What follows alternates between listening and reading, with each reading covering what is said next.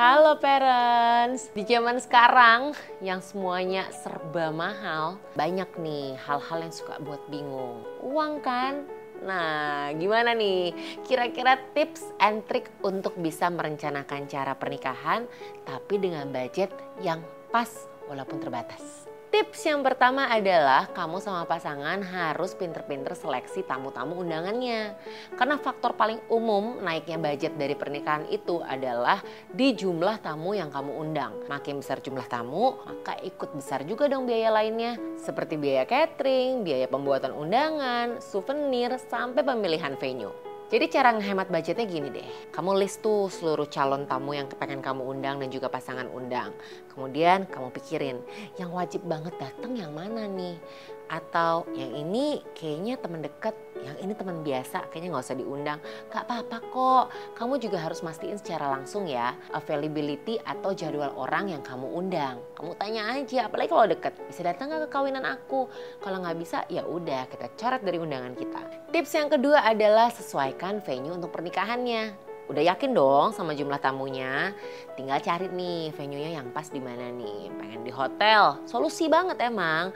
Dan itu bisa memuat banyak sekali tamu, bisa sampai ribuan malah ya. Itu dia jumlah sewanya juga banyak banget pastinya. Masih banyak opsi-opsi yang bisa kamu pilih. Yang pertama itu kamu bisa nyewa yang namanya GSG atau Gedung Serbaguna. Biasanya kalau di Jakarta itu harganya berkisar antara 10 sampai 30 juta rupiah. Dan itu durasinya juga cukup panjang, 6 sampai 8 jam. Malah kalau kamu pinter nego ya, kamu bisa dapetin di bawah 10 juta loh. Nah ada juga opsi lain loh, misalnya kamu suka ide-ide yang unik out of the box, kamu bisa pakai lapangan gedung sekolah. Dengan sedikit nego aja, kamu bisa dapetin di bawah 5 juta rupiah. Wow kan? Dan opsi terakhir, dan ini paling oke okay, karena kamu bisa nggak ngeluarin uang sepeser pun, adalah dengan memanfaatkan backyard ataupun halaman belakang rumah kamu. Apalagi kalau misalnya ternyata kamu pengen pernikahan yang intimate, yang sakral, yang suci gitu kan. Dengan uh, venue di belakang rumah dan juga dengan keluarga-keluarga terdekat, itu biasanya akan lebih hikmat loh. Dan pastinya dengan kreativitas-kreativitas kamu, dengan dekorasi yang unik, venue yang minimalis bisa jadi lebih seru. Tips yang ketiga untuk meminimalisir budget kamu menjelang pernikahan adalah barusan tadi aku singgung, yaitu bikin dekorasi. Nah, kita buat dekorasi DIY yang simple dan juga minimalis. Emang sih aku paham banget kalau misalnya ternyata ya kita mau ngurusin pernikahan sendiri, kita pengen buat dekorasi juga sendiri, itu pasti super duper capek. Ini pasti juga super duper efektif untuk menekan budget keuangan pernikahan kamu. Nah, aku bakal kasih sedikit inspirasi dekor yang bisa dijadiin opsi ataupun ide buat pernikahan kamu. Yang pertama nggak semua dekorasi bunga itu harus asli. Karena kalau bunga asli itu mahal banget. Jadi pakai aja bunga sintetis. It's okay kok. Kalau kamu pengen lebih unik, kamu bisa pakai dekorasi kertas seperti bikin origami. Wah, itu seru banget loh. Dan ternyata cara mengkreasikan sendirinya juga gampang banget. Cari tutorial di internet, di Pinterest, itu banyak banget deh. Pokoknya ide-ide yang bisa kamu pakai untuk buat buat origami.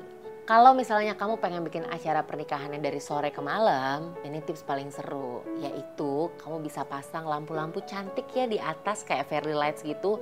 Uh, itu pasti pernikahannya jadi romantis banget deh. Itu tadi baru tiga contoh ya, dan tiga contoh yang tadi aku sebutin, itu aku yakin banget bisa bikin atmosfer yang indah buat venue pernikahan kamu.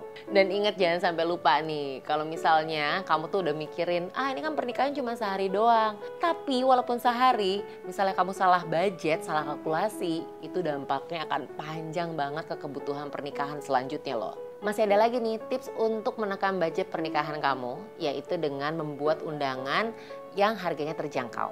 Biasanya kalau buat undangan itu kan kepercetakan.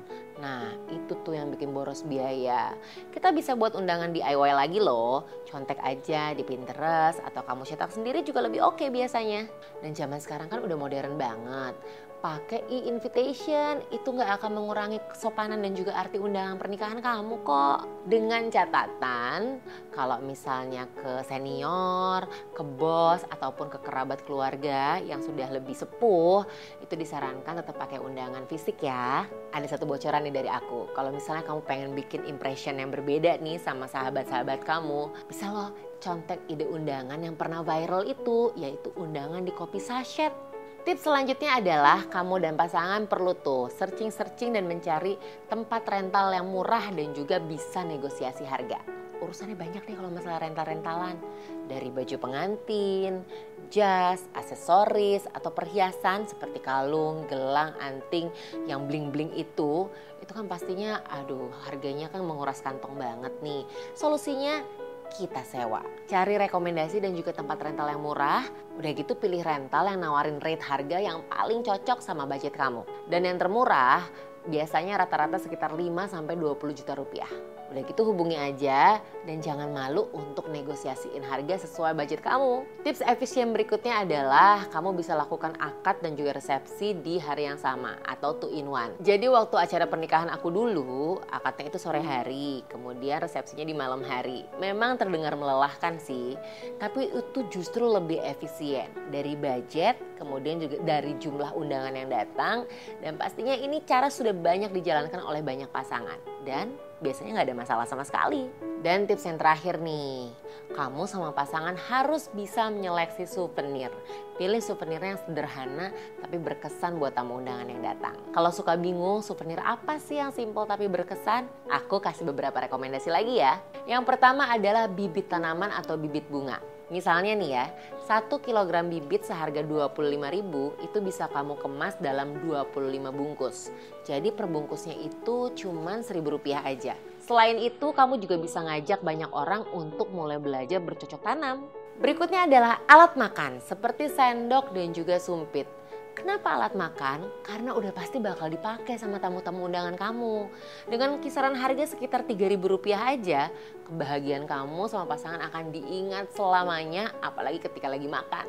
Dan yang terakhir adalah sekantung teh atau biji kopi.